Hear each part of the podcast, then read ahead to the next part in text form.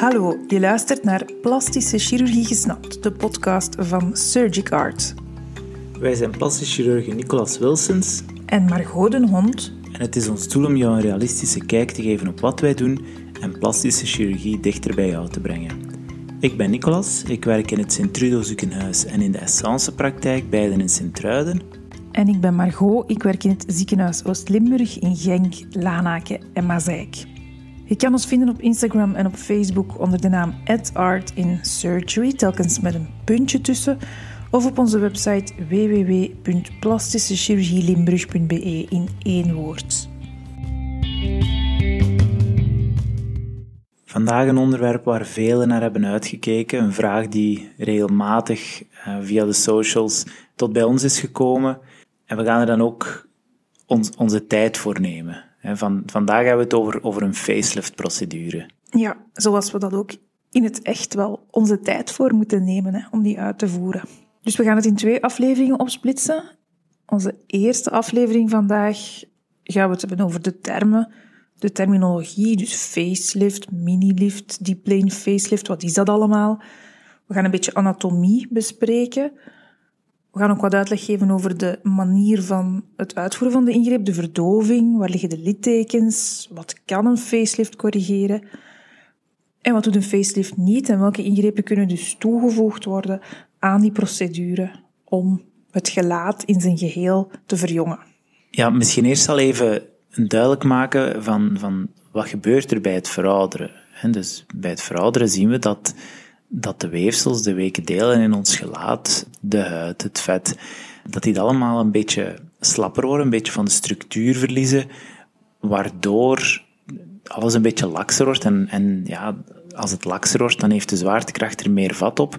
En dan, dan gaat alles een beetje naar beneden zakken. En het doel van eigenlijk alle procedures waar we het vandaag over gaan hebben, is om dat een beetje tegen te gaan, dat effect. Er is enerzijds een vulling die afneemt, een deflatie, noemen we dat met een moeilijk woord. En anderzijds is er ook de elasticiteit van de huid die afneemt met verouderen, maar bijvoorbeeld ook met zonneschade of met roken. En daarnaast hebben we ook, zien we ook dat er ook zo van het bot veranderingen optreden. Ook het bot gaat zich wat terugtrekken. Bijvoorbeeld, dat kan je zien bij zeer oude mensen, dat de oogkas dat die veel meer uitgehold is. Nu, wat, wat kunnen we daaraan doen? Want daar, daar gaat het tenslotte over. Als, als mensen ons consulteren, we starten misschien met de minst invasieve zaken en bouwen dan misschien op naar, naar, naar de meest invasieve zaken. Minimaal invasief, dat wil eigenlijk zeggen dat we gaan proberen zonder te snijden toch een liftend effect te creëren. Dus, dus zonder echt iets weg te nemen, toch een liftend effect gaan, gaan creëren op, op de weefsels in het gelaat. Dan hebben we het bijvoorbeeld over injectables en dan kan het gaan over, over hyaluronzuur, over uh, calciumhydroxyapatiet, over PRP, dus eigen plasma. Het zijn verschillende zaken.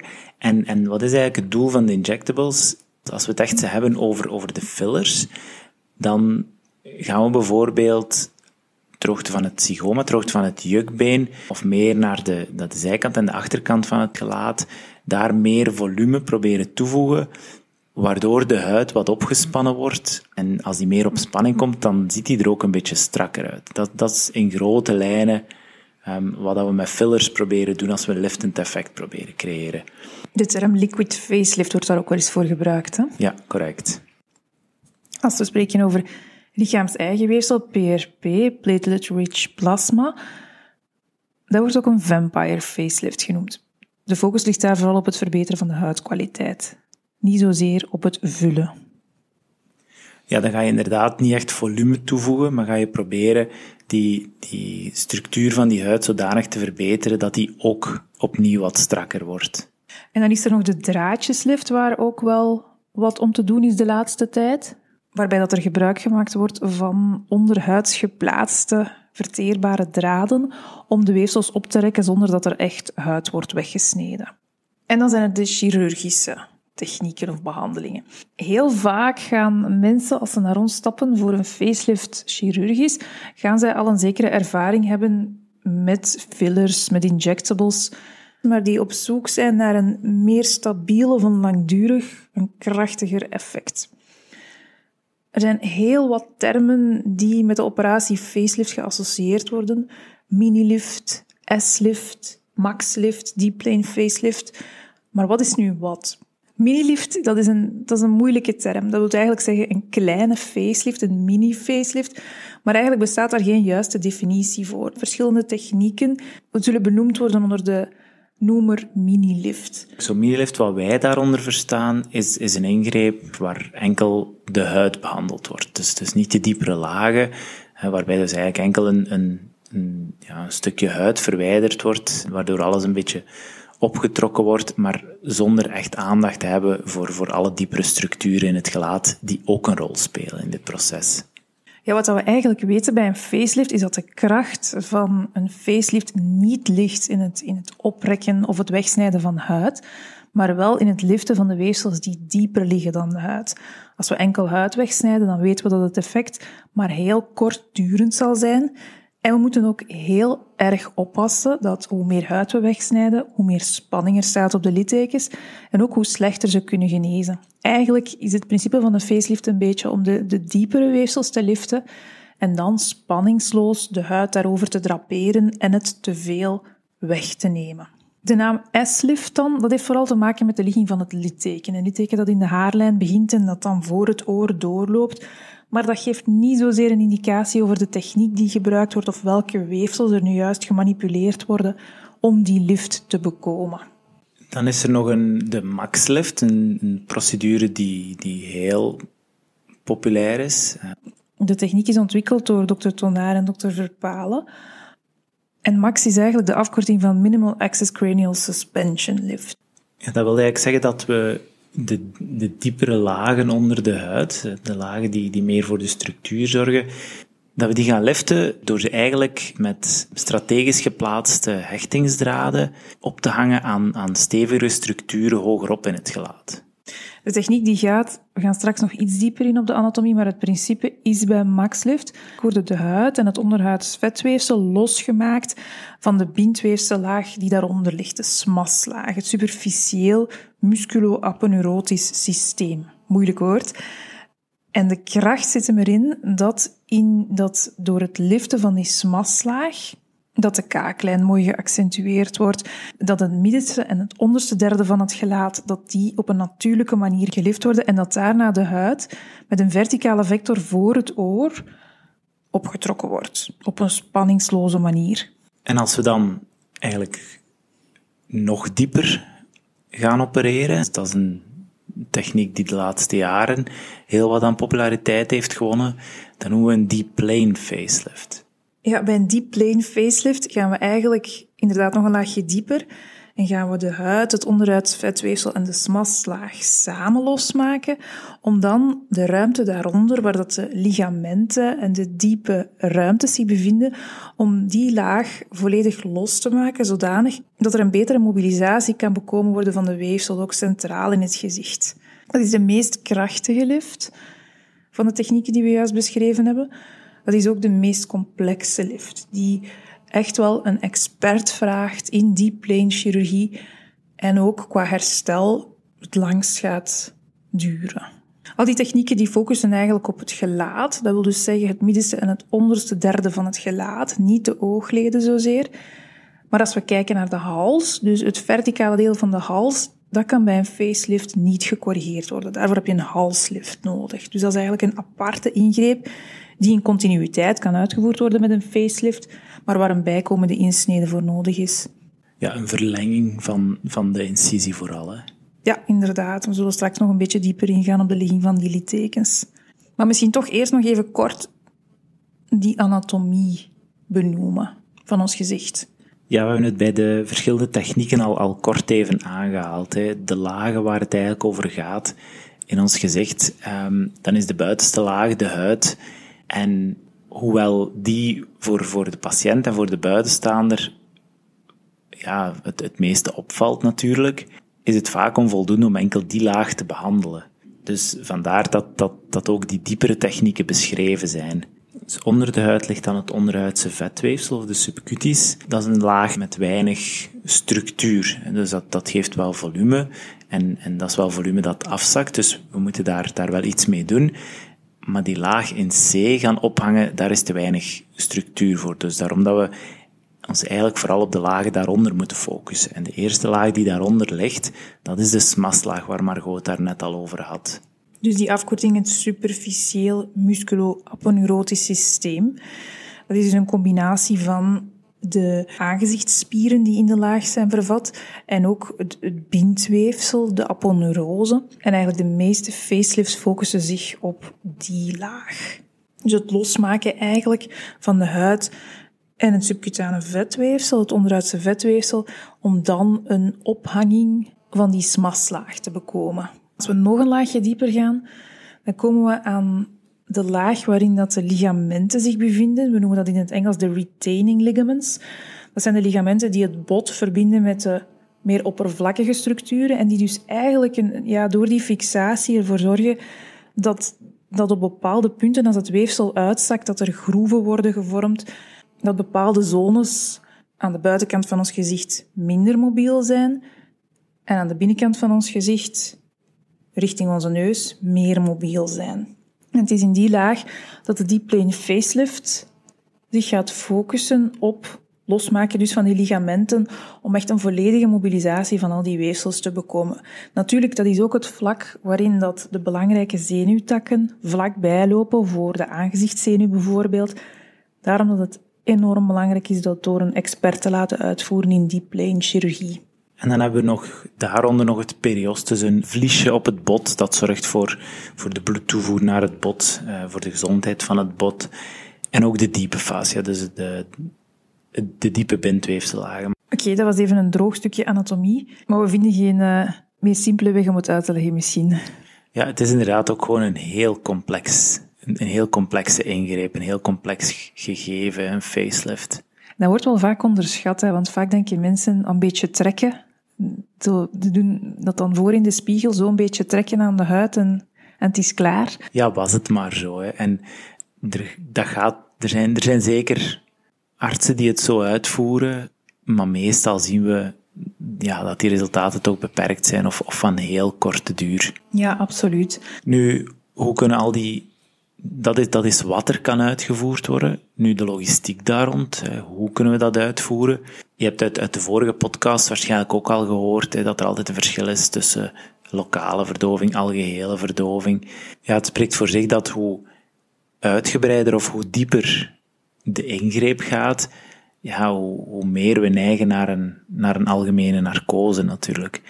Um, aangezien wij die mini-lifts eigenlijk zelden tot nooit zullen uitvoeren, dan hangen we eigenlijk altijd sowieso vast aan een, aan een algemene narcose om het voor de patiënt en de chirurg uh, comfortabel te houden. Ja, want je moet je voorstellen, zo'n operatie duurt toch wel een halve dag. Zeker als er nog bijkomende correcties uh, worden uitgevoerd, kan dat zelfs langer duren. Uh, je dient dus heel lang te blijven liggen in, in die positie. Dat is niet fijn als, als je nog wakker bent. Ja, en dan heel belangrijk, de littekens van zo'n ingreep. Want ja, je bent natuurlijk bezig met, met esthetische aangezichtschirurgie en je wilt, je wilt heel grote dingen veranderen in een gezicht. Je wilt daar een substantieel verschil maken, een verschil dat blijft. Maar je wil niet op de plaats waar je, waar je het effect oogt, wil je, wil je geen littekens hebben. Dus dat wil zeggen dat je de littekens moet plaatsen waar ze, waar ze zo min mogelijk zichtbaar zijn. En standaard begint dat litteken eigenlijk in de haargrens boven het oor. Dus in de bakkenbaarden. Ja, en dat loopt dan eigenlijk juist voor het oor naar beneden toe. En, en achter de oorlel draaien we dan eigenlijk naar achter toe. Dat is een zone die heel vlot geneest en, en waar we zelden complicaties zien. En waar de littekens ook heel mooi verborgen blijven. Je hebt, ook daar haal je het verschil er weer uit tussen iemand die ervaring heeft met facelift-chirurgie. En hier is het van belang dat de huid dus niet onder spanning wordt gesloten, dat er geen enkele spanning staat op dat litteken, dat dat niet gaat verbreden, maar dat dat echt heel mooi is verstopt in die overgang van wang naar oor, zodat je het er niet uithaalt. Ja, en als we dan een halslift gaan combineren bij deze ingreep, dat wil zeggen dat, dat we het litteken ook achter het oor nog zullen moeten uitbreiden. En dat loopt dan opnieuw in de haren, waar, waar het eigenlijk minimaal zichtbaar is. Dus dan, dan kan het litteken eigenlijk achter het oor, op de overgang oor naar de hoofdhuid, lopen en dan aan de haargrens terug naar beneden draaien. En soms wordt dat ook gecombineerd met een littekentje onder de kin, als er specifiek in de hals centraal nog een correctie moet uitgevoerd worden, ook in het kader van een halslift. Nu, wat, wat corrigeren we daar nu mee met zo'n ingreep? Margot heeft daar net al kort even aangehaald. Deze ingreep is voornamelijk gefocust op het, het middenste en het onderste derde van ons gelaat. Als er vragen of problemen of issues of wat dan ook zijn met de bovenste derde van ons gelaat, dan spreken we over een heel andere ingreep. Ja, en daarbij trekken we ongeveer een lijn. Met het bovenste derde bedoelen we dan de wenkbrauwen en de ogen. En het middenste derde, dan zitten we aan de wangen. En het onderste derde, dan komen we aan de mond en, en de kin en de kaaklijn. Dus een facelift richt zich op die onderste twee delen onder de ogen. Een facelift kan een huidoverschot corrigeren, kan ook een ondervulling corrigeren. Dat is dan vaak centraal aanwezig op de wang, waar er in de jeugd rond de twintiger jaren veel vulling aanwezig is, gaan we zien dat, dat dat volume zich verplaatst naar onder, waardoor er diepe groeven worden gevormd tussen de neus en de mond. En waardoor dat er ook lijntjes worden gevormd tussen de mond, mond en de kin en de kaaklijn afgestompt wordt. Kan gecorrigeerd worden dus met een facelift. De deep plane facelift gaat daar vooral een krachtig effect op hebben. En of gecombineerd worden met lipofilling. Ook weer het verschil met een halslift. Een facelift gaat werken tot op de kaakrand en de kin, de onderkant van de kin. Van het moment dat we gaan kijken naar het verticale deel van de hals, dan kan een facelift niet meer corrigeren. Daarvoor dienen we een halslift uit te voeren. Het gaat dus focussen ook op de plooien, de plooi tussen de neus en de mond, de nasolabiaal plooi, de plooitjes van de mondhoeken naar onder, de marionettengroeven noemen we dat, en dan de jawls, of, of, of eigenlijk een overschot dat ontstaat, waardoor dat de kaaklijn minder is afgelijnd. In de volksmond wordt dat frequent minder eerbiedig misschien hamsterwangen genoemd. Natuurlijk, hoe meer uitgesproken dat die groeven zijn, hoe moeilijker ook dat het wordt. Je kan die groeven nooit volledig doen verdwijnen, maar wel verzachten en opvullen zodanig dat er een, een meer jeugdige look wordt gecreëerd. En vaak gaan we dan vragen om, om even terug te kijken en een foto mee te brengen van toen je 20 jaar oud was, om te vergelijken waar toen de vulling vooral aanwezig was.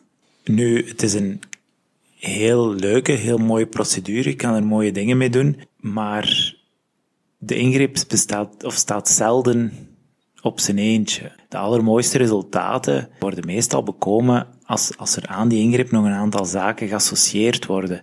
Ehm, het spreekt ook voor zich dat jouw gehele gelaat dezelfde veroudering heeft ondergaan. De hals heeft dezelfde veroudering ondergaan. Het spreekt ook voor zich dat dat soms het advies zal zijn om niet enkel die onderste twee derde te behandelen, maar bijvoorbeeld ook iets aan de bovenste of onderste oogleden te doen. Of wat volume in het, in het gelaat toe te voegen door middel van, van lipofilling of opvullen met vet. De lip eventueel wat te liften, de huidkwaliteit te verbeteren met nanovet, met peeling, met laser. Rimpeltjes op te vullen met, met snif, wat ook een vorm van, van lipofilling is. Ja, we spreken eigenlijk van een synergistisch effect met die andere ingrepen. Of 1 plus 1 is 3. Onbewust gaat ons oog dat oppikken als bijvoorbeeld de hals wel sterke tekenen van veroudering vertoont, maar het gelaat gelift is. Dan gaan we ergens aanvoelen, zelfs al kunnen we niet helemaal pinpointen wat dat het is, maar dan gaat er ergens een, een, een onevenwicht zijn. En vaak is, het, is die totaal aanpak gaat dat het mooiste en het beste en ook het meest natuurlijke resultaat geven. Ja, en hoewel we daar natuurlijk nergens in willen pushen in, in zo'n ingreep, want het, het, het, komt, komt zo soms over dat de chirurg daar rap nog een paar dingen aan wil toevoegen, maar weet dat dat dan, ja, dat we natuurlijk vanuit onze ervaring spreken en weten dat het eindresultaat gewoon beter is, of, of, of dat het allemaal meer, meer egaal is, meer harmonieus is, wanneer we je dat voorstellen. Inderdaad. Het is een totaalpakket eigenlijk. En dat willen we toch wel benadrukken. En dan gaan we de volgende keer misschien nog wat dieper op in, op dat natuurlijke resultaat. Dus het is niet omdat de ingreep meer omvangrijk wordt, dat het resultaat minder natuurlijk gaat worden. Integendeel zelfs. Het is altijd ons doel om een natuurlijk resultaat na te streven dat past bij jouw gelaat, bij de jongere versie van jouw gelaat niet om een ander gezicht te maken. Maar daar gaan we de volgende keer misschien nog, nog iets dieper op in, op die plastic look of, of dat windtunnel-effect, een onnatuurlijk resultaat. Ja, daar hebben veel mensen inderdaad schrik voor. Hè. En, en terecht, je ziet soms heel rare dingen op social media of op tv verschijnen. En dan zullen we het ineens ook hebben over ja, of er een ideale leeftijd bestaat voor een facelift, wat het herstel is van zo'n ingreep, hoe lang je, ja, het effect, hoe lang dat, dat je kan verwachten dat dat blijft duren. We gaan ook nog iets meer zeggen over die halslift en dan, niet onbelangrijk, over de mogelijke complicaties van zo'n ingreep. Ja, inderdaad. Maar dat gaan we voor de volgende keer houden, want we zijn al even aan het praten nu. Dus tot de volgende keer. Tot de volgende keer. Dag.